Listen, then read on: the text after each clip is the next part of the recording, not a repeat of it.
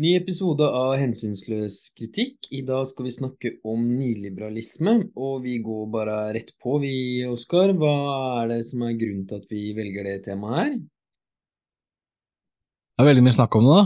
Har i hvert fall vært. Det har kanskje roa seg litt nå i det siste, men, uh, men det har jo vært sånn uh,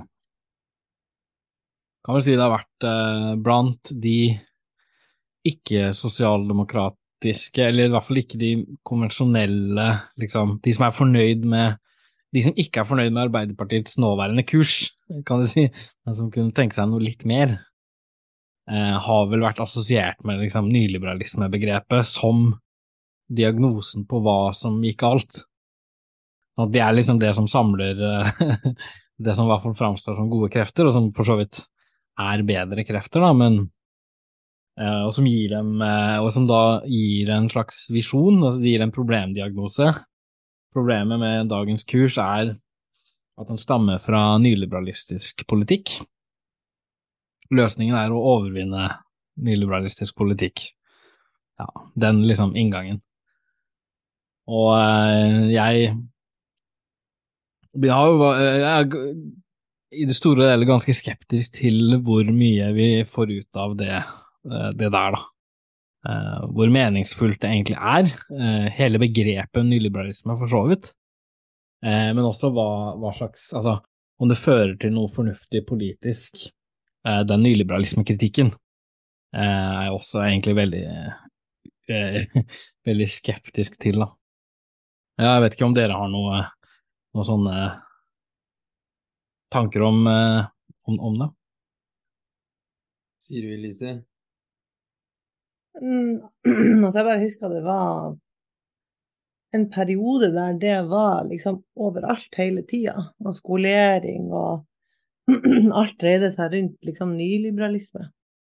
Eh, så eh, det var jo en periode man ble nesten eh, litt sånn lei av det, rett og slett. Og flere bøker som kom med det temaet. Man følte det var veldig sånn instinktivt følte jeg det var ganske sånn overfladiske. Alt skal selges, alt skal selges, havet skal selges, jorda skal selges. Det var veldig sånn Ja, ikke så godt å forstå hva som egentlig var kritikken. Da, på en måte. Ja. Mm. En sånn slags spoiler-alert er vel det at det går litt inn i samme modellen som det vi har eh, som vi har kritisert andre begreper, på en måte. At eh, nyliberalisme er nok et begrep som snakker om at det finnes én form for kapitalisme som er dårlig eller feil, men implisitt at det finnes en god form, en ikke-nyliberal kapitalisme. altså Litt den samme formen som vi har hatt med monopolkapital eller finanskapital eller hva det nå enn måtte være for noen sånne varianter av kapitalisme. Og den nyliberalistiske kapitalismen er vel også en sånn derre istedenfor å gå rett på å snakke om kapitalisme, men istedenfor å snakke om nyliberalisme, så impliserer man at det fantes en tid før denne forferdelige nyliberalismen, da kapitalismen var bra. Altså sånn mm. er, Formen er jo ganske lik, men det betyr jo ikke at nyliberalisme er det samme som de tinga som vi har kritisert før, så kanskje vi burde sagt noe om liksom hva er nyliberalisme? Altså jeg tenker på alltid når man hører nyliberalisme, så er det sånn Ronald Reagan og, og, Thatcher, det var de. De skapte, det var de som er grunnen til nyliberalisme. Sånn der, de tok en sånn vending, og, og, ja, da gikk det bare galt. Og litt et eller annet der. At de har liksom blitt ofte nevnt i den der eh, innpusten. Mm. Det er jo helt klart en eller annen utvikling som skjer, altså fra du har uh, første, andre verdenskrig, og, og så tar det en slutt. Og, og etter 1945 så får du det som liksom kalles, eller utover 50-tallet i hvert fall, liksom, gull, kapitalismens gullår eller gullalder eller et eller annet sånt noe, hvor, eh, hvor du har hva blir det, 20 år eller sånn, noen og 20 år med, med veldig høy vekst og veldig, veldig stor såkalt profittdeling, eller sånn eh, gode gode lønnsrammer og god profitt på kapitalsida. Stor utbygging av industri, ikke sant. Det er noe sånn at du kan Du har på en måte Begge parter er fornøyde, og økonomien går godt. og det bygges opp sikkerhets- velferdsnett, og staten har en aktiv rolle i økonomien. Stort sett da i, i vest, vestlige økonomier etter andre verdenskrig. Og så kommer det et skifte, en, et konjunkturskifte, kan man si, både politisk og økonomisk, utover 70-tallet, hvor, hvor, det går i en annen retning. Hvor staten får en annen rolle i økonomien, eh, finansmarkedene dereguleres, eh, de økonomiske pensumet liksom, som sentralbanker og sånt må støtter seg på, blir et annet, blir andre læresetninger. Uh, ikke sant? For læresetningene som liksom styrer pengepolitikk og industripolitikk, det blir jo det er endringer som finner sted der. Mm. Så det er jo noe som skjer, og den, den utviklinga blir jo da forklart som en liksom, det er nyliberalisme som kommer.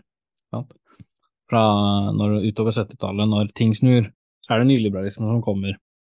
Og i en viss forstand så er jo, er jo det sant også, ikke sant, at uh, det, det, er noen altså Hvis man ser på Det er ikke overalt, for så vidt, da, i Tyskland. Altså, noen steder så var sentralbankene De har ment det samme mer eller mindre hele tida, men det er jo klart uh, ting som endres, og syn på industripolitikk endrer seg, og statens rolle i den type ting endrer seg jo. Også vekstratene og industripolitikken endrer seg, og arbeiderandelen endrer seg. Eh, og man går fra å bygge opp liksom, samfunnslønn og velferdsytelser til å bygge de ned.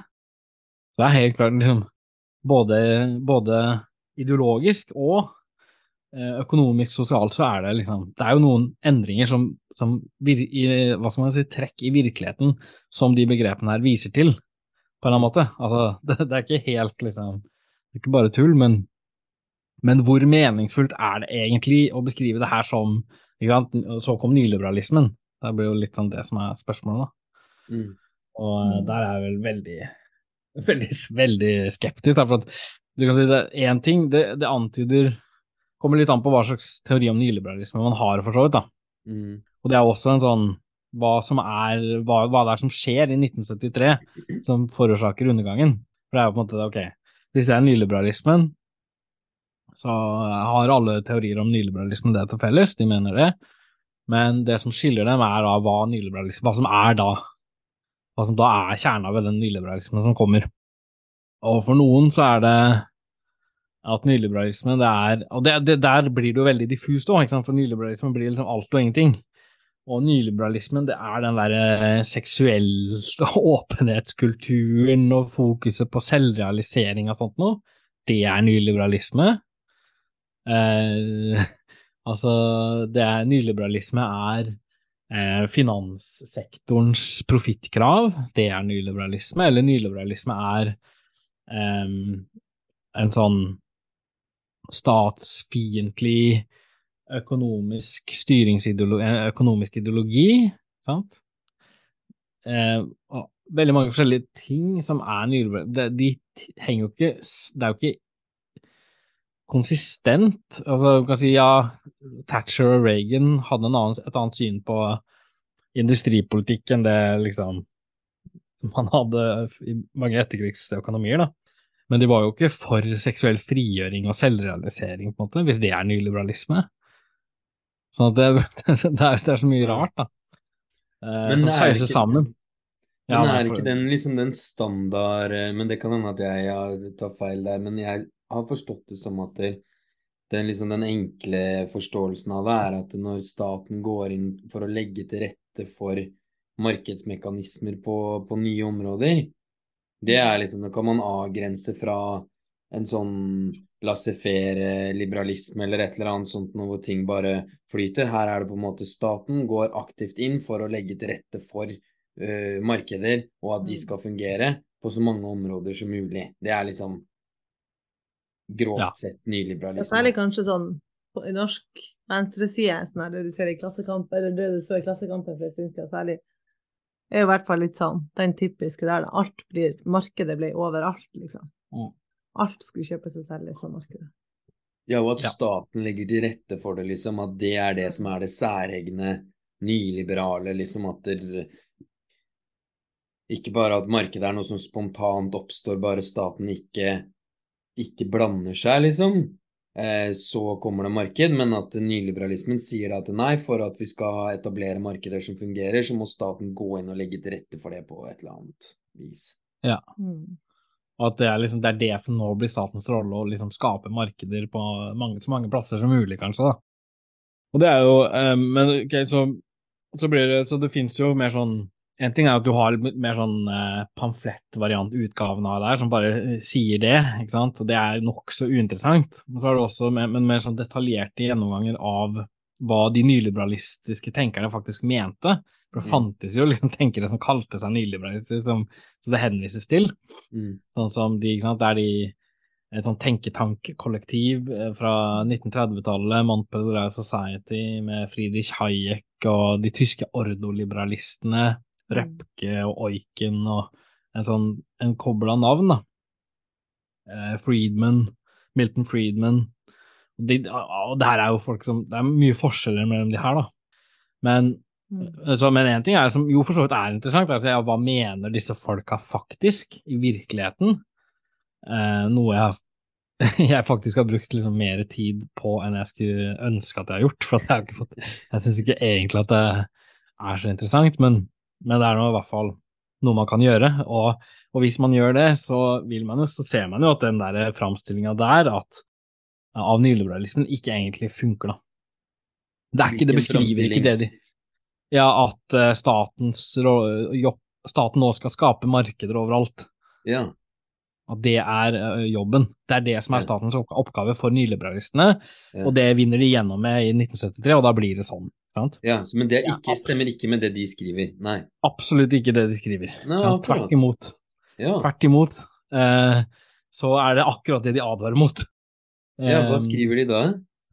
Eh, nei, altså de skriver jo da at eh, hvis, det hvis, det, hvis det eksisterer markeder overalt, så kollapser jo samfunnet. Sant? Hvis det er konkurranse overalt, hvis det ikke finnes noe fellesskap og varme noe sted, men alt er beinhard konkurranse, Mm. altså da blir det revolusjon. Særlig de tyske ordoliberalistene er opptatt av det, men de andre òg forstår det poenget. ikke sant? At hvis markedet er overalt, hvis det ikke et, hvis det ikke går an å ta seg en pause, så, så blir det proletarisering. Og de Mm. skriver jo i 30-tallet, de her, og det er, jo det er jo det som skjer. Sånn at, Mm. sånn at ja, nei, nei. Så poenget deres er tvert imot at å nei, det er veldig viktig at, at det ikke blir for mye proletarisering. At folk ikke bare er på markedet, men at de har en hage, for eksempel. Ja. At de kan dyrke litt poteter i en hage, og, og slappe av og liksom, ikke, liksom trekke seg unna det, det beinharde eh, markedskonkurransen. ikke sant? Den, den, alles kamp mot alle i markedet, det må man gjøre, men det må, liksom, det, det, må bare være en, et område av samfunnet. Og, og så må man kunne liksom ta, ta, ta seg pause fra det, sånn at det liksom ikke spiser opp all, alle de andre, Det ikke tar over for mye, da. Eh, For at det fører til ja, det fører til det, det skaper grunnlag for sosialistiske demagoger og alt mulig fælt, ikke sant. Mm. Så det må man liksom, altså du må tvert imot ikke allmenngjøre markedet, du må kapsle det inn. Du må bygge masse institusjoner rundt som ikke er marked, som gjør at markedet liksom som, som kjerna av liksom rikdomsproduksjonen, sånn, kapitalismen, at den kan fungere og overleve, nettopp fordi den, det finnes liksom, ikke sant, og masse viktige områder som ikke er marked, da. Men det høres, høres nesten sosialdemokratisk ut. Men det er jo akkurat det det er, ikke sant? Altså, Ja. Det er jo den nyliberalismekritikken er jo egentlig nyliberal. For å, liksom med fare for å være litt finurlig. Men det er jo, altså det, En vanlig nyliberalismekritikk er jo det at å nei, nå, nå tar markedet over overalt. Ja, vi er alle enige om at eh, produksjonen av varer og tjenester i hovedsak må skje som vareproduksjon for markedet. Lønnsarbeid osv. Ja, vi, vi er ikke dumme kommunister, liksom. Vi skjønner jo det. Men nå, tar det for, nå går det for langt, nå tar det over for mye. Og den kritikken, Mm. ikke sant, at du vil ramme inn markedet litt, gi folk en hage og en, eh, en lapp, liksom, sånn at de ikke eliminerer vareproduksjonen helt, det er en nyliberal politisk posisjon. Det er det de mente. Altså, de Mm. tyske ordoliberalistene og, og de liksom, tidlige nyliberalistene, de mente det. De mente, og, og sånn at eh, sånn at der er det faktisk interessant kan du si, å se på hva de mente, for at da ser du hvor lite radikal veldig mye sånn nyliberalismekritikk egentlig er. Mm. Det faller liksom tilbake til en helt sånn triviell eh, posisjon som til og med de faktiske nyliberalistene sto for. Og eh, ja, sånn at det er liksom ikke veldig imponerende med liksom sånne å, det er for mye marked, markedet spiser opp overalt, og bla, bla. Det er den, Ja. den type nyliberalismekritikk. Ja, altså Ja, du, du Ja. trenger ikke å være særlig radikal for å stå for, skjønne det, da.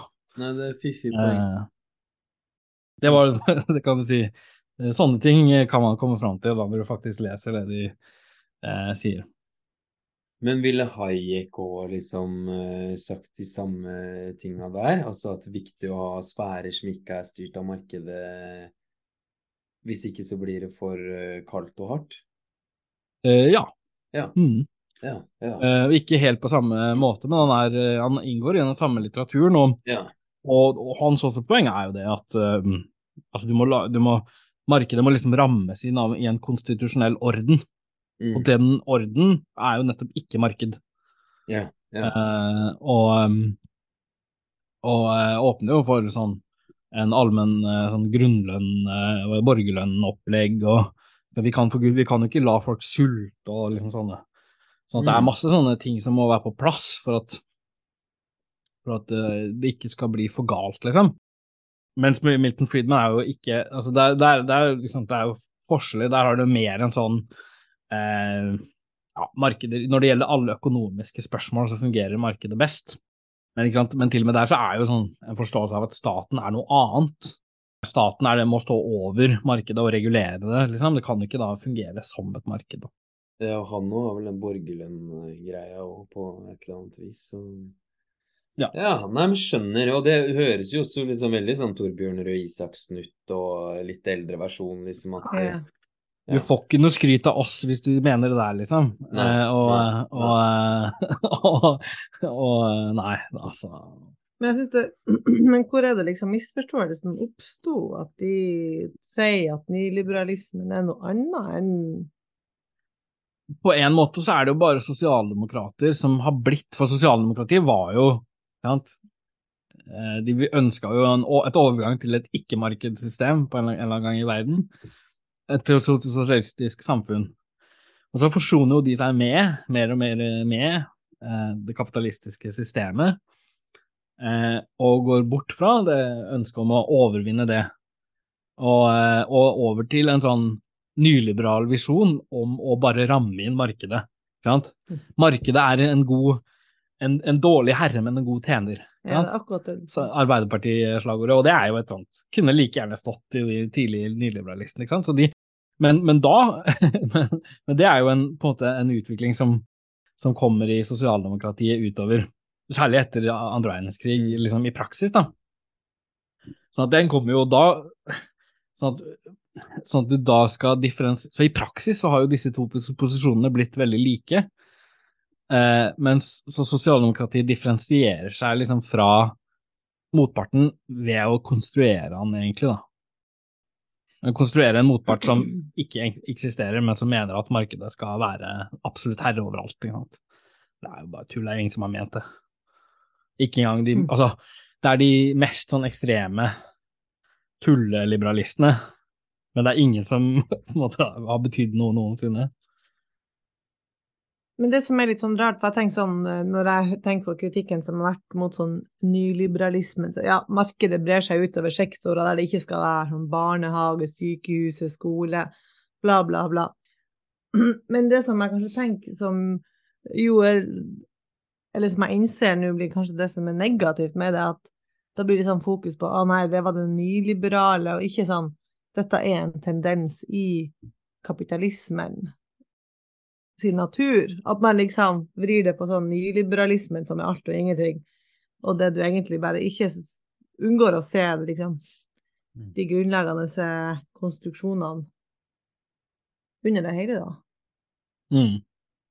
Det er jo generelt det som er problemet med det, at det, det kom, legger jo opp til en måte å forstå politikk på hvor det er liksom Det er noen, noen folk som har hatt en plan om å ja, gjøre disse tingene her til markeder, og så har de vunnet gjennom med det.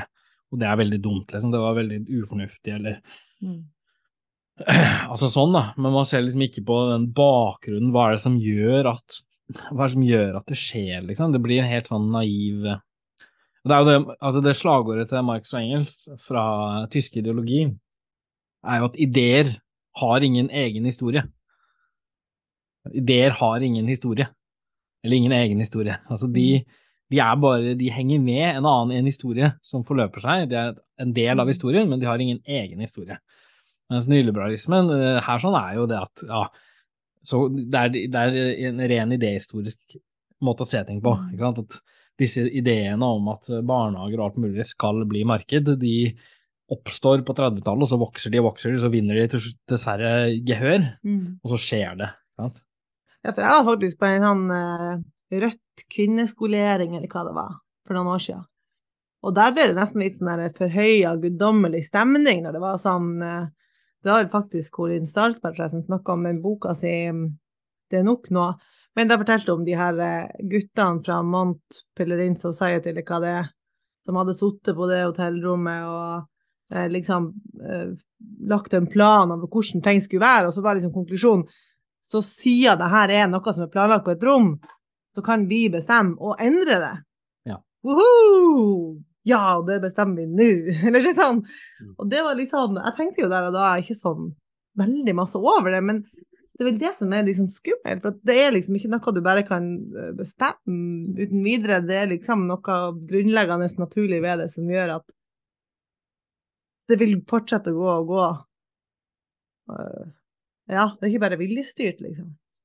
Det er jo det, det er voluntarisme, må man jo kalle det. Sant? Altså et syn på at politikk, eh, eller eh, kapitalismens utvikling i det hele tatt, styres av menneskelige viljer.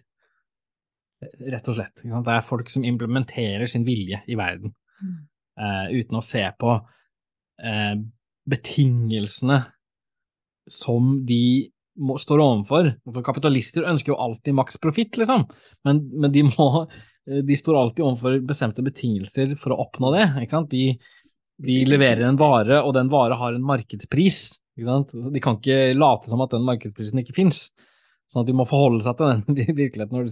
Sånn at deres evne til å tjene maksimal profitt, uansett om det er det de vil, den, er, den må de realisere under bestemte betingelser. Og Det er det som er liksom, det er når du analyserer de betingelsene, at du skjønner hva kapitalismen er.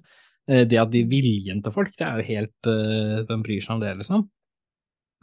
Og, eh, og, da, så, og der, der, ja, der har du ett problem med i hvert fall en sånn kanskje den mest liksom, vulgære nyliberalismeforståelsen, som, som kan falle i en sånn kategori. At det bare er liksom Ja, det var noen kjipe folk som valgte å gjennomføre en dårlig politikk, og nå burde vi få, flere, få bedre folk inn i kontorene, sånn at vi får en bedre politikk. Men hvis vi ser sånn konkret på det som skjedde på en måte utover på 80-tallet, da at det, For vi er jo enige i empirien der med at det ble ting som ikke var markedsbaserte før, ble mer og mer ble eh, liksom lagt ut på markedet. Det er vi vel enige om. Og at noen av de ideene, selv om du kan si at ja, var det nyliberalt eller ikke, men i hvert fall hadde inspirasjon fra det, må vi vel også kunne si. Selv om det er politikere som gjennomfører det, eller vil ikke du si det i det hele tatt? Vil du si at det er noe annet enn Jeg er helt uh, sikker på det, faktisk. Nei, ok, nei, det, viktig det er den idépåvirkninga faktisk er. Ja, for Um, da, da er det hvis vi, hvis vi avviser det, så er det jo en helt, en helt alternativ historie sammenligna med den som blir fortalt. Hvis vi ikke, hvis vi ikke går med på at de, den tilrettelegginga for markeder på, på andre områder um, enn det som var fram til og med et eller annet sted på tidlig 70-tallet eller noe Hvis det ikke har noe med nyliberalisme å gjøre i det hele tatt, um, Da har vi en helt annen historie. Men hvis vi sier at det er det, at det på en måte gir en mening å ha et sånn tidsskille i etterkrigstida, på den ene siden det der eh, de gylne tiåra, og på den andre siden den nyliberale perioden, og at det samtidig da var visse politikere som innførte eh, den politikken, altså Thatcher Reagan osv., så, videre, så blir jo spørsmålet da altså for det at det, selv, om, selv om vi er, ikke på en måte kjøper at det, det voluntarisme fungerer som en teori, så sånn det framstår umiddelbart, så er det jo det. Det er noen politikere som vinner valg ved å markedsstyre områder som ikke har vært markedsstyrt tidligere. Ved å knekke fagforeninger og ved å ditt og datt og bla, bla, bla. Og da siden det er sånn det framstår, så framstår det jo også da som om det kunne vært annerledes. Ja, altså du kan si Ting kan jo alltids være annerledes, eh, men, men det, som det, ofte, det som det framstår som, er jo på en måte at hvis bare en politiker med en bedre forståelse av økonomien, på en måte en mer sosialistisk forståelse av økonomien, med mer sympati for de brede masser. Hvis en sånn politiker hadde hatt makta, så ville historien sett annerledes ut. Det er på en måte det man mener. Eh, og det, det, blir Det er det som blir feil, da. Ja. For det er um, Det er ikke der det står. Og, vi, og da, hvis, hvis, man ser liksom bredt på den utviklinga fra andre verdenskrig og utover, så er det jo sånn at ja, fra 45 og til utover 70-tallet så er det jo nettopp en økende, tendensiell økende likhet. Oppbygning av eh, velferdsytelser, sosiale ordninger, eh, og sterkere eh, statlig nærvær i økonomien, den skjer jo overalt. Det er en vestlig, en allmennvestlig tendens, ikke sant? Uansett hvilke partier som hadde regjeringsmakt. Så det, det er liksom Eh, og, og, hvis man ser etterpå, 73, så er det også det, ikke sant, at det at dereguleringen av disse oppleggene, nedbyggingen av uh, sosiale ytelser osv., det er også, utspiller seg også uansett hvem som har regjeringsmakt. Sant? Når det er sosialister, høyrevridde sosialdemokrater Det fins eksempler på alle, og det skjer. Mm. Eh, det skiftet er nokså liksom Det skjer ganske samtidig, og det skjer overalt. Og det, i begge perioder så er det, er det, sånn det var. Og det antyder jo at det her er konjunkturelt. Det har i hvert fall en veldig sterk, et sterkt liksom, konjunkturelt grunnlag. Det er, det er, noe som ligger i tida, liksom. Ikke i idéhistorisk forstand, men i altså det er, Og det er jo noen elementer sånn som, eh, så, ja, som ligger i, i, den perioden. Hva betyr konjunkturelt? Altså det er en, en eh, Ja, det, en ting er jo Altså, etter annen verdenskrig så er det jo Har jo halve Europa blitt eh, rasert, da. Det finnes ikke produksjonsapparater lenger. Alt må bygges opp igjen. Sånn at, sånn at det er jo muligheten for sant, enorme vekstrater er bare helt uh, til stede. For at det finnes det er ikke, det, du, du, er ikke i nærheten av overproduksjon. Mens på 30-tallet så var det jo overproduksjonstilstander. Du kunne ikke bygge ut en ny fabrikk for at det er metta markeder overalt. ikke sant? Sånn at, eh, sånn at, eh, og så får man en deilig verdenskrig som knuser alt, alt det her sånn, så kan man bare bygge og bygge i mange og 20 år. Og det er ingen, ikke, ikke, noe slutt på hvor mye fantastisk man kan bygge, ikke sant, for det er bare åpne eh, marker. Og det er jo en, en situasjon som liksom Det er jo en, en situasjon som, som, alle disse statene befinner seg i, og som gjør at liksom Som gir den økonomiske situasjonen deres en veldig sånn særegen karakter. Og når da for eksempel Magnus Marsdal da, sier at ja, nei, du har disse dogmatiske marxistene som tror at uh, som tror, Jeg husker ikke helt hva det var, men, men at liksom, du, i, i, denne perioden så har du jo eh, kloke keynesianere som, som styrer statsapparaten og, og, får til en liksom, voldsomt fin og stor økonomisk vekst. Og så får du disse nyliberalistene etterpå Eh, og da er det bare treg økonomisk vekst og ikke noe opplegg, ikke sant? Mm. Bare dritt. Og så kan de marxistene være så dumme og ikke tro på at hvis vi bare får på på en keynesiansk politikk igjen, så vil det vokse. Yeah. Det er jo åpenbart, det vokste jo fra 45 utover. Massevis. Yeah. Og, det må man bare si at, altså, at det går an å si noe så dumt, ikke sant? Ja. Det er helt utrolig.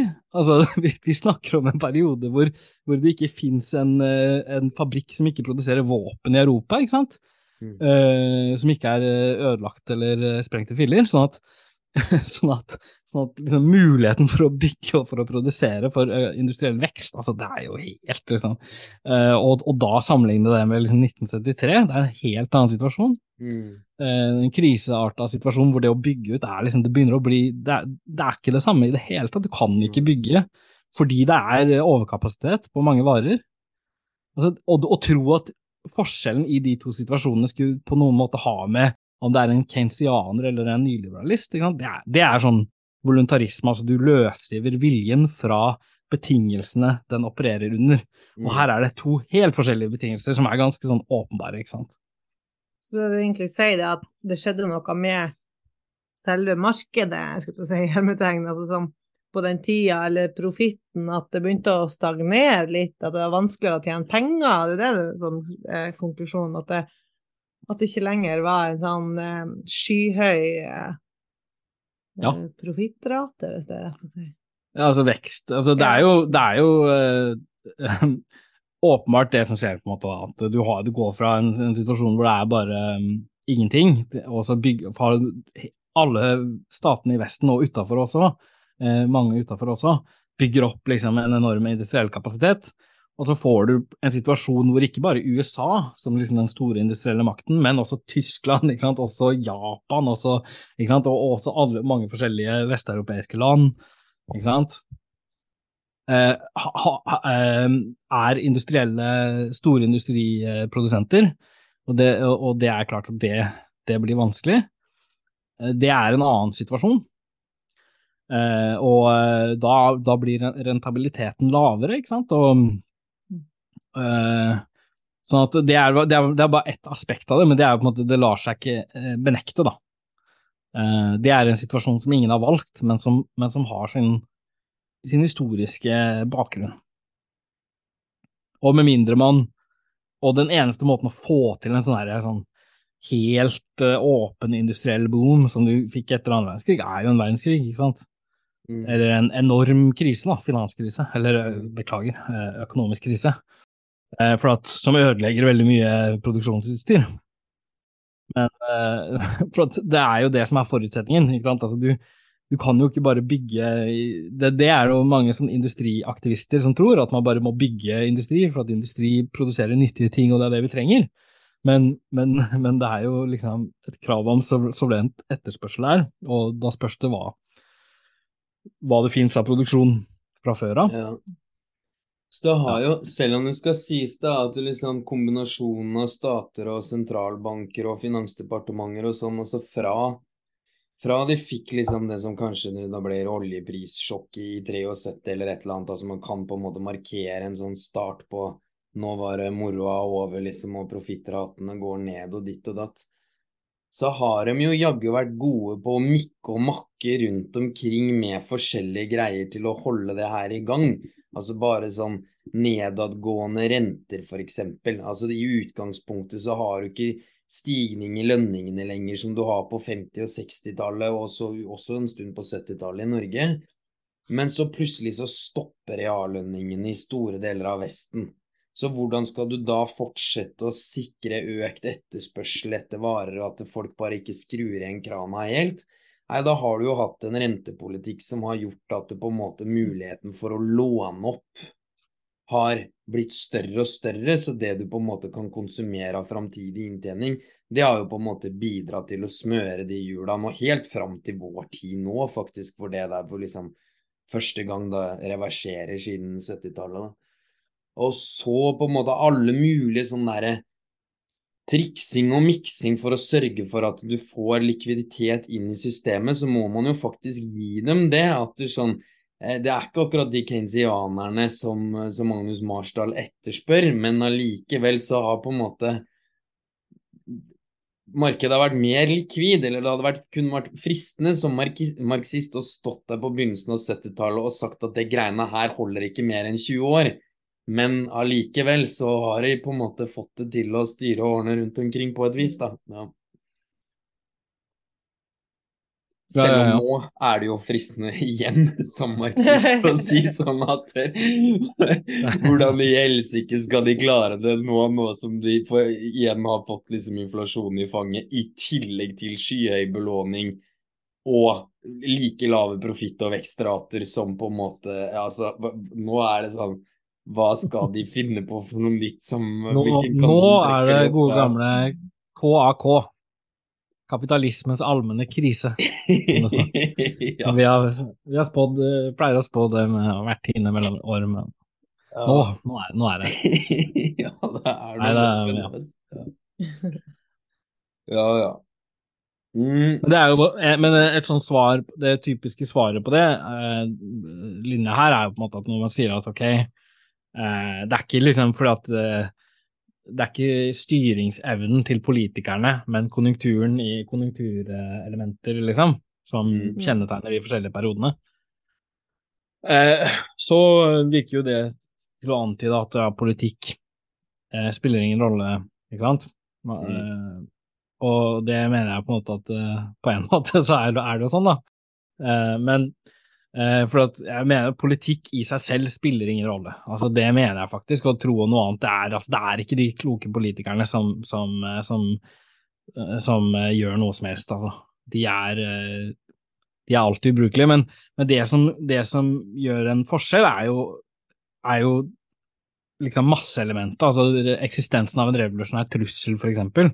Det er noe annet enn Altså, det er helt, et helt annet dyr enn enn det spørsmålet om ja, finnes det politikere som, som sympatiserer med arbeiderne og skjønner. Sant? Det er, det tror jeg det er helt Det er basically helt uvesentlig, for, eh, for hvis man Ja, det er noe, en annen sak, da har man lest Keynes, så vet man hvor arbeiderfiendtlig han egentlig er, men men, eh, men, men, men det er en annen podkast. ja, for han skal vi ha en egen episode om en gang i framtiden. Ja, altså, Keynesianisme skal vi ikke det, men uh, ja. Ja, vi, ja. Men, uh, men det er jo men det som ikke sant? Det er jo det her at det, i hvert fall det som jeg grunnleggende mener, er at um, det som gjør at liksom det politiske stemninga og reformviljen blir helt forskjellig og forskjellig i en periode enn en annen. Én ting er at det er mulig, eh, for at veksten er så høy at du kan ha god profitt og, og, og også eh, ikke sant, ordninger og lønninger uten at de gjør noe. Det er klart, det er en veldig hendig da, da kan de politikerne være så dumme du vil, og det kommer allikevel. Eh, Men en annen ting er jo det at eh, du har en, en, en trussel for at privateiendommen blir ekspropriert. Mm. ja. Ja, Det er den, at det eksisterer en, en, en arbeiderbevegelse som har det eh, som har den eh, muligheten og, og, eh, og truer med det. Det gjør, også, det gjør en stor forskjell, ikke sant? for det, det, gjør, det skaper handlingsvilje både blant politikerne og i overklassen. Og det er helt klart at det, sant, når det gjelder alle store reformer, så, så lå det der som et kjerneelement. Det, det er en politisk forskjell, men den forskjellen har ingenting å gjøre med hvor mye hvor, eh, hvor ærlige eller hvor smarte politikerne er. ikke sant? For det er på en måte helt, det, er helt det, og det å fokusere på det, det er sånn her eh, altså eh, paternalistisk statssosialisme, ikke sant. Mm. Men det som faktisk gjør en forskjell, er jo at du har arbeidere som, som, som, som står for sine egne interesser, og som truer med å gjøre alvor av de. sant? Mm. Så det, det gjør en jævlig stor forskjell. Og det syns jeg vises veldig sånn her eh, hvordan at politikk, sånn som vi kjenner det, ikke har noe særlig å si når du hører denne debattene på radio. Hva er det politikk er? Jo, det er prioritering. Og det handler om rettferdig fordeling. Det er politikk. Sånn er det liksom det blir snart fremstilt. Og det er jo litt sånn, da det er litt som har snakka om før, da kommer du aldri til å begynne seg i produksjonsforholdene, hvordan det egentlig produseres, du er bare opptatt av å fordele. Og det er jo selvfølgelig helt ufarlig. Og det er jo Ja, du må prioritere, ingen blir fornøyd, sånn er det bare. Vi kan ikke, alle kan ikke få alt.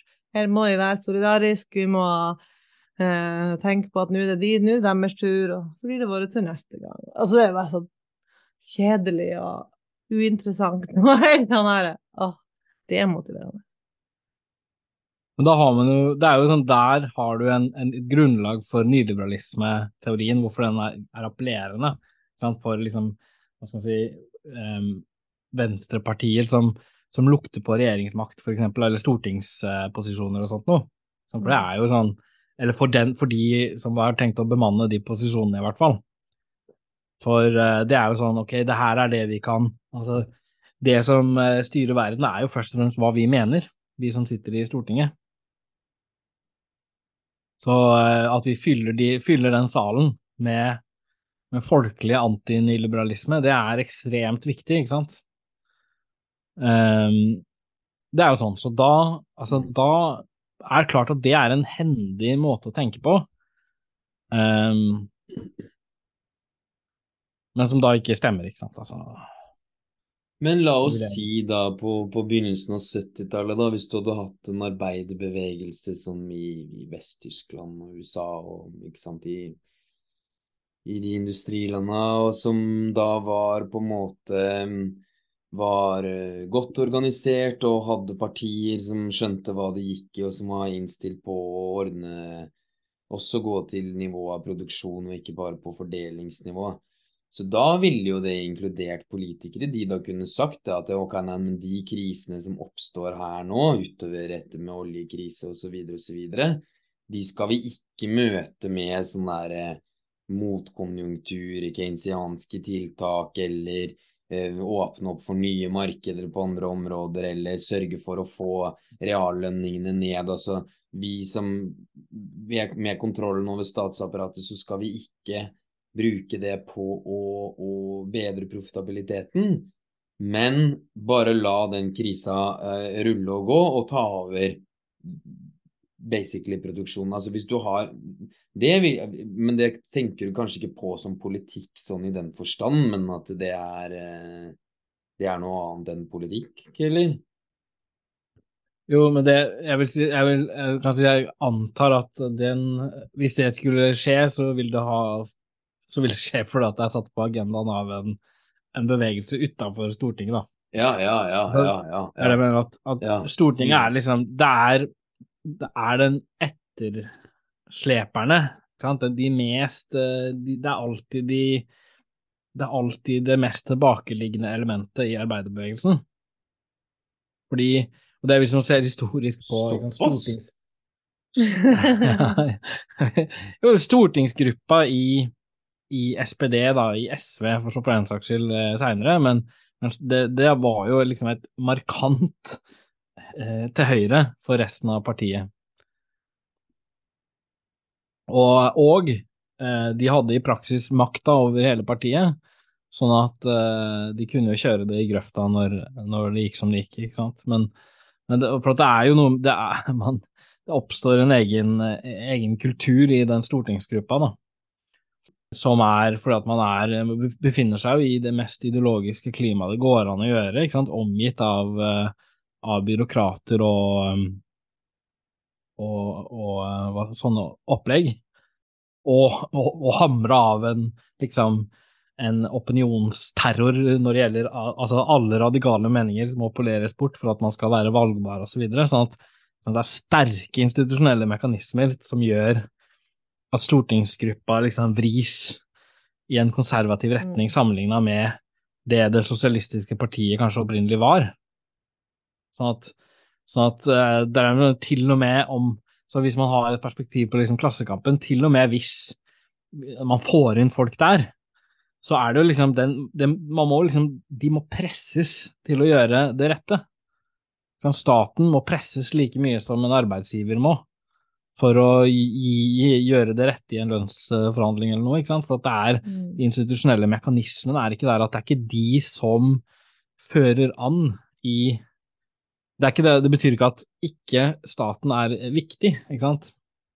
For for man må jo eh, Altså Man, man må ha makta der, men, men, men, det er altså Ja. Det er, nei, det er ikke, ikke bare de, å ta den Nei, nei, nei, det er, ikke, jeg er det er ikke, det er ikke ja. ja, ikke sant. Nei, nei, nei, er på en måte Du kan ha en, en Du kan skape en situasjon hvor de er nødt til å gjøre noe fornuftig, mm. men, og det er det du må gjøre, da. Men ja, jeg vil si det sånn, det er sterke konservative tendenser i spill der. Men poenget så, så det er ingen vel, forhåpning til ja. det. Nei, nei, nei, nei, men poenget mitt er vel egentlig ikke så mye om om det er på, på Stortinget eller utafor Stortinget, som jeg er i og for seg enig med deg i det, men, men spørsmålet er på en måte var det Skal vi se på det helt deterministisk, det som skjedde fra 70-tallet og utover? Altså, Én ting er de, de tinga at vi ikke kunne konstruere en situasjon der hvor vi hadde den samme etterspørselen på 80-tallet som vi hadde på en, en gjenoppbygningsfase på 50-tallet. Åpenbart rent sånn mattetilfelle, liksom, at det, det kan vi se på. Men var det en Selv om det skjedde i samtlige, eh, samtlige vestlige land at det, det, skjedde et skifte i politikken der, skjedde det med nødvendighet? Eller er det mulig å se for seg en situasjon der hvor du hadde hatt en arbeiderbevegelse som sørga for at det ikke var det som skjedde, men at man kom eh, i en mer revolusjonær eh, situasjon, eller hva man, eh, hva man skulle håpa på, da. Ikke sant? Eller, eller, er det bare sånn at der, nei, visse konjunkturer fører til viss politikk, og, og, sånn er det, og det egentlig så kan vi bare Ja. Altså, det er jo innafor eh, I en kapitalistisk økonomi, da. Altså, det er det er, det er lover som kretser som har å gjøre med, med profitten å gjøre og sånn, ikke sant. Ja, ja. Der, der, er det visse mekanismer som gjør seg gjeldende, men men muligheten for å bryte med det var jo der. Sant? Sånn at det er jo det man må gjøre. Det er jo det at Jeg mener, bare at hvis, hvis, perspektivet er at nå skal vi gjøre oss alle rike og, eh, og lykkelige ved å produsere masse varer og, og, styre økonomien på en god måte, liksom, makroøkonomiske styringsmidler, eh, det er en fantasi for at for der er det eh, konjunkturelementer som er mye viktigere. Eh, som man ikke kan, som, og du kan tro liksom, at du står over det, men du gjør ikke det. Men, men, det, men det, er liksom det som er den der statssosialistiske drømmen om at vi bare vi skal, vi har kontrollen på dette her. Vi, vi, vi, markedet er vår tjener, og ikke mm. vår herre. Men det er, det, det er det jo selvfølgelig ikke. Altså, eh, så vinner man makta, men så, hva er det man sier, man, man vinner, eh, man vinner regjerings posisjonen, men ikke, ikke noe regjeringsmakt. Altså, man har ikke makta egentlig. Man er liksom eh, underlagt mye mer enn det man er man eh, underlegger seg, da, for å si det sånn. Ja. Sånn at det er det jeg mener, at eh, det er en illusjon, men, men, hvis man, men hvis man er villig til å bryte med det, ikke sant? hvis man er villig til å begynne å ekspropriere, så er det jo ikke grenser for hva man kan få til. Hvis man er villig til å til å krenke den uh, ukrenkelige privateiendommen og, og, gjøre den om til liksom uh, vår delte rikdom, så, så, mener jeg at da, da, er det veldig mye man kan få til, ikke sant. Da, da slutter de økonomiske lovene å, å herje med oss, mm. for at forutsetningen for at de herjer med oss, forsvinner. Sånn at det er det sånn Det er jo lover her, men, men de har sin gyldighetsbetingelse. Og eh, de, den gyldighetsbetingelsen eh, kan du kalle privat eiendom av produksjonsmidlene. Og så lenge man gjør det, så lenge man ikke tør å si at man er mot det, så lenge man ikke tør å si at man er for felleseiendom, ja, og der finnes jo ingen, ikke noe sosialistisk parti som tør å si det klart og tydelig nå. Ja, alle, og så har SV et sånt sosialismeopplegg nå. Nei, ja, det er først og fremst, ikke sant. Ja. Mm. Vi skal jo for guds skyld ikke gjøre noe med privateiendommen. Altså, så lenge du ikke tør å si det, da kommer man seg ingen vei. Da er du styrt av de konjunkturene som enhver annen idiot, da.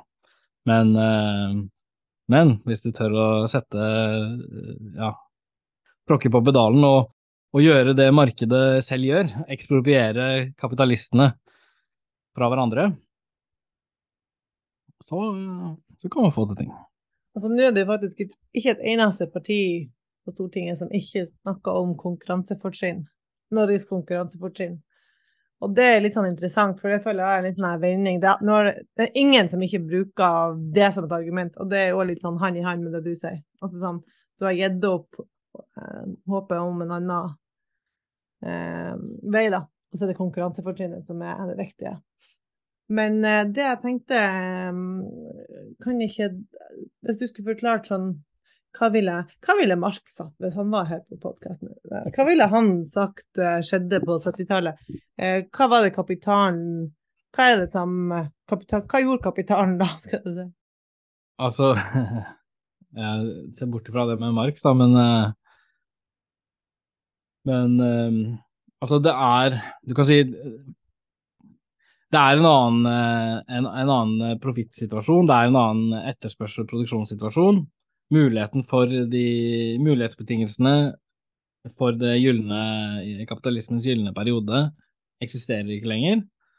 Sånn, og, og, når du da får en krisesituasjon, en, en, internasjonal økonomisk krisesituasjon som setter, uh, som setter profitten under press, så er, eneste, så er veien å gå uh, så, så, så, må man jo uh, gå til store angrep på, på lønninger og på velferdsordninger, og, og, det er det ene aspektet. Et annet aspekt er også at, at, at du har en, en, en et, et, kapitalbehov som begynner å vokse, som, som, som presser på mot for å liberalisere finanssektoren, såkalt, da, for å liberalisere kredittordninger osv. Så, videre. så det, eh, det, presses fram også av i og for seg andre mekanismer som har med, med liksom sentraliserende tendenser i produksjonen å gjøre, behov for store kapitalmengder, som gjør at de gamle eh, begrensningene blir umulig å opprettholde. Det er jævlig det er sånn. interessant, sånn. det der. Kan du ikke utbokstavere det konkret så det blir helt tydelig? For det husker jeg fra den Sandleben-artikkelen om finanskrisa. Kan du ikke si det at behovet for store kapitalmengder, hva mener du helt konkret? Altså det er eh, tydelig. Eh, altså hvor, Jeg kan ikke si det altfor konkret, for da måtte man vel eh... Nei, men altså bare svær men, fabrikk, liksom. At det er det ja, vil si at skal ja, du være altså cutting er, edge produksjon, eh, ja, så krever du Det er jo en utvikling over tid der hvor hvor, hvor, kapitalbehovet i en bransje vokser over tid, etter hvert som den blir mer sentralisert, avansert, teknologisk. sånn at så, så, så, vil det rett og slett bare kreve mye, mye, mer kapital, antall milliarder kroner, for å drive effektivt i en bransje. Og den kom sant, til et punkt hvor den, den, jo, den skaper et behov for kreditt.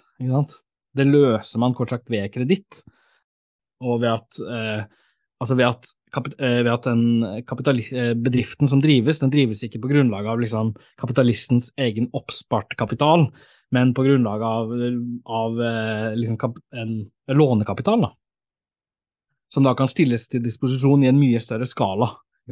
Konsentreres på en helt annen måte fordi den er lånt og ikke opparbeida av, av eh, de, de, drivende kapitalistene selv. Og det ja, Marx er liksom inne på det behovet for kreditten som eh, liksom, hvorfor produksjonen liksom trenger skaper et økende behov for kreditt, og kredittens økende rolle i den kapitalistiske produksjonen har nettopp med det å gjøre. ikke sant? Det ligger her, altså, i, alt ligger i kapitalen, men, men, men, og det er du ser det veldig tydelig at det, der kommer det også et omslag, ikke sant? at de grensene mot, eh, mot eh, kapitalbevegelser og kredittutstedelser som lå i det gamle systemet, det måtte sprenges. Og det, altså det vil, Hva mener du med det? Måtte, du måtte gjøre det lettere å få lån, og, og stille det til eh, kredittflyten. Det var masse grenser, masse reguleringer på det eh, som ble fjerna. Og det kalles jo, blir jo da kalt for Det er det, er det som er liksom finanskapitalismen i det. ikke sant? At noen mener at det her er det samme David Harvey er et sånt eksempel. At for han så er nyliberalisme handler liksom om, om at finanskapitalistene tar over. Og det, og det, det viser til i virkeligheten, er jo det her at det som faktisk skjer, er at er at eh, altså, eh, finansregulering, kredittlovgivning, eh, blir deregulert. Så det blir helt klart det. Men altså, det, det, akkurat, det lå, akkurat det lå i stjernene, altså. Det var ikke noe Du hadde ikke noe alternativ til det. Og uh, hvis du skulle å, å sette seg Altså, uten å bli helt reaksjonær, og uten å bli en sånn som Mark sier om Josef eh, Prodon, at du vil, du vil, du vil bevare kapitalen, men uten storindustrien, liksom.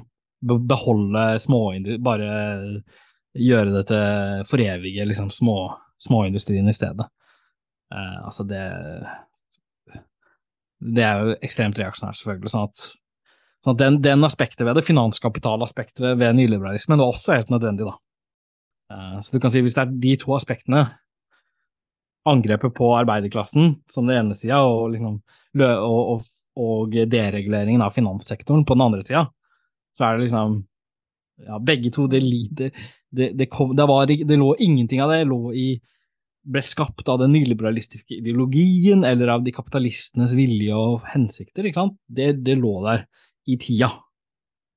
Eh, men Det betyr ikke at resultatet måtte bli som det ble, men hvis det bare var politikerne som skulle bestemme, så måtte det bli som det ble. Det er vel mitt syn. Og samtidig at arbeiderklassen var litt sånn eh, opptatt av solidaritet med arbeidsgiverne, kanskje.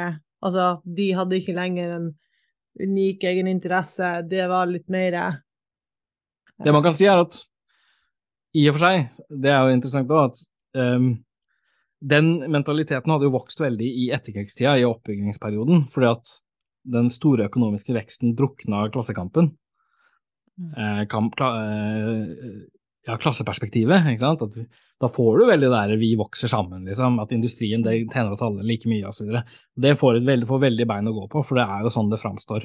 Eh, men, men på 70-tallet så er det jo nettopp en da, da, kan man si da får du en sånn klassekampoppsving, eh, hvor For det er, du har jo hvis du ser på sånn streikestatistikk i, eh, i, Vesten og sånt, så er det jo da du får en veldig oppsving i veldig mange land, da. Hvor, for at, og, og, hvor streikene også blir mye mer sånn klassepolitiske. Det har, det har uh, forskjellige historiske årsaker, men det, men det, er jo liksom en sånn siste sprell da, mot, det som kommer her, ikke sant. Men, mm. men ja, det, det, det, førte ikke fram. Det, du kan si det, Veldig ofte så var det jo mot eh, Det var jo liksom ville streiker mot fagforeningene. Sånn at er, de, de, etablerte fagforeningene er sånn, sånn, som du sier, klassesamarbeidsorienterte. Så det er sånn som du sier, eh, men bare for å få inn den nyanseringen at mm. akkurat, nå, akkurat her så var det jo faktisk veldig mye annet. Mm. Um, og det bør man jo ikke liksom glemme, da. Men men, eh, og i Norge, og det, er jo de ville, såkalte ville AKP-streikene, veldig ofte ikke leda av AKP i det hele tatt, men, men, men, eh, som var liksom et sånt Ja, i eh, et sånt, Sånne fenomener. Sånn. Mange steder i Europa var det det at man gjorde, man streika mot liksom, på tvers av egne fagforeninger, eh, som var for tamme, da. Men det gikk jo som det gikk. Men det viser jo at det i hvert fall var litt sånn Det var noen som skjønte greia da, eller noen prøvde å kjempe for noe annet, det tenker jeg er positivt, selv om det ikke gikk. Ja, ja, ja. Det var jo masse på Det var jo masse da. Altså, mm. Når man leser liksom eh, politisk litteratur, så er det jo sånn Du finner en del bra da, liksom. Ja. Ikke bare sånn dum maoisme, men, eh, men en del, en del uh, fornuftige greier. da. Til og med sykepleierne hadde vel en, hadde de ikke det?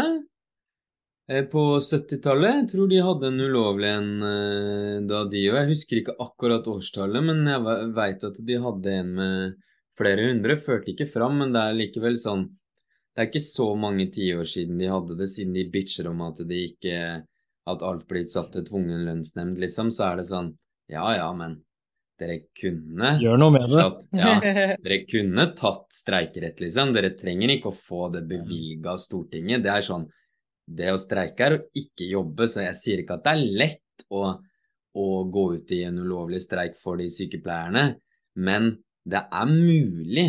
Det er mulig isteden å stå der for sånn hun derre Sverresdatter og hyle og skrike og bære seg liksom over at vi har ikke streikerett, så ja, men det fins et alternativ, og det er å fortsette å streike.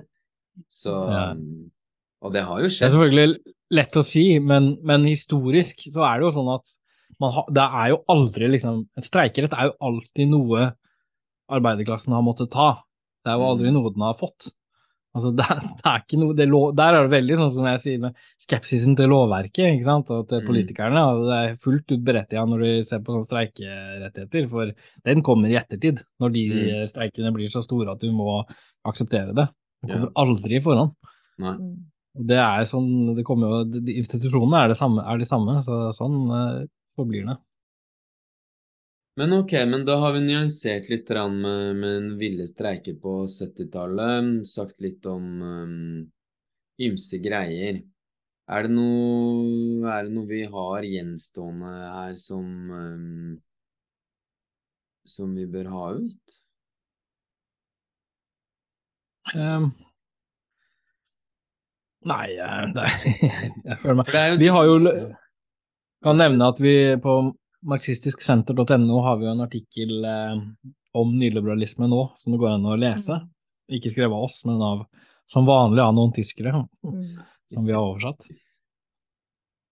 Og det er jo nå er det, Jeg skal ikke begynne å dra langt inn, men, men det der eh, aspektet med den der sjølrealiseringsbiten av nyliberalismen er jo litt Den er jo også litt sånn interessant, da. Og det er jo kanskje særlig hos Stalsberg har jo tatt opp akkurat det aspektet litt i denne boka si. Eh, det er nok nå. Og jeg syns faktisk at det var veldig interessant når jeg leste det. Eh, så jeg syns jo at aspektet er eh, verdt å liksom merke seg og se på det, men som vi nettopp har snakka om, så blir det på en måte feil å ja, si at det er en egen greie, da. Det hadde vært så masse bedre fått kobla det til kapitalismen som sådan, da, på en måte. Heller, kanskje. Ja, det er jo liksom eh, politi den politiske eh, utviklingen til sosialistbevegelsen. Som? Blir helt sånn systemukritisk, og, og, eh, og dermed så Hvis det ikke finnes en opposisjon som peker ut noe annet, så er det eneste Så må man jo ta alle erfaringer man gjør seg i markedet, på en måte, med stoisk ro. Altså, man må gå innover. Mm. Altså, ja, når, så når den Ja. når muligheten for å transcendere det er utelukka, fordi sosialdemokratiet har blitt helt pervertert, så må man jo gå innover. Det, er jo ikke, for- det må ikke forklares gjennom nyliberalismen, det, må, my- det er mye bedre å forklare det gjennom sosialismens utvikling, som mister liksom hele dens eh, eksistensberettigelse, og blir liksom, ja, helt meningsløs.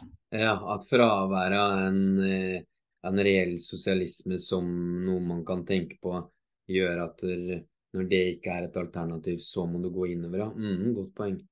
Ja, det var veldig interessant. Ja. Ja.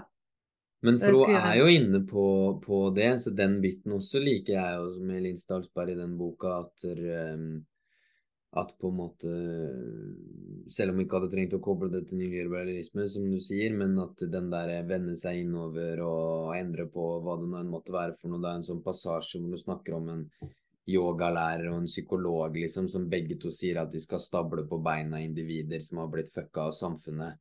Og at egentlig Ja. burde samfunnet vært annerledes, men ja ja, det er nå det jobben er, liksom. Så mm, Men at hun jo også da har jo en sånn der liksom nostalgisk gjennomgangstone om at det bare Men på farmora sin tid, da var alt bra, liksom. Da var det ikke tidspress, og da var det ikke ditt og datt, og bare komme hjem til farmor, så er alt bra. Så som om den tida da farmor vokste opp, hvis vi bare kunne gjenskape den Altså, det er jo det, det er helt sånn sinnssyk lengsel etter 50- og 60-tallet blant folk på den norske venstresiden at det er liksom det, er nesten umulig å finne noen som Og ikke har det.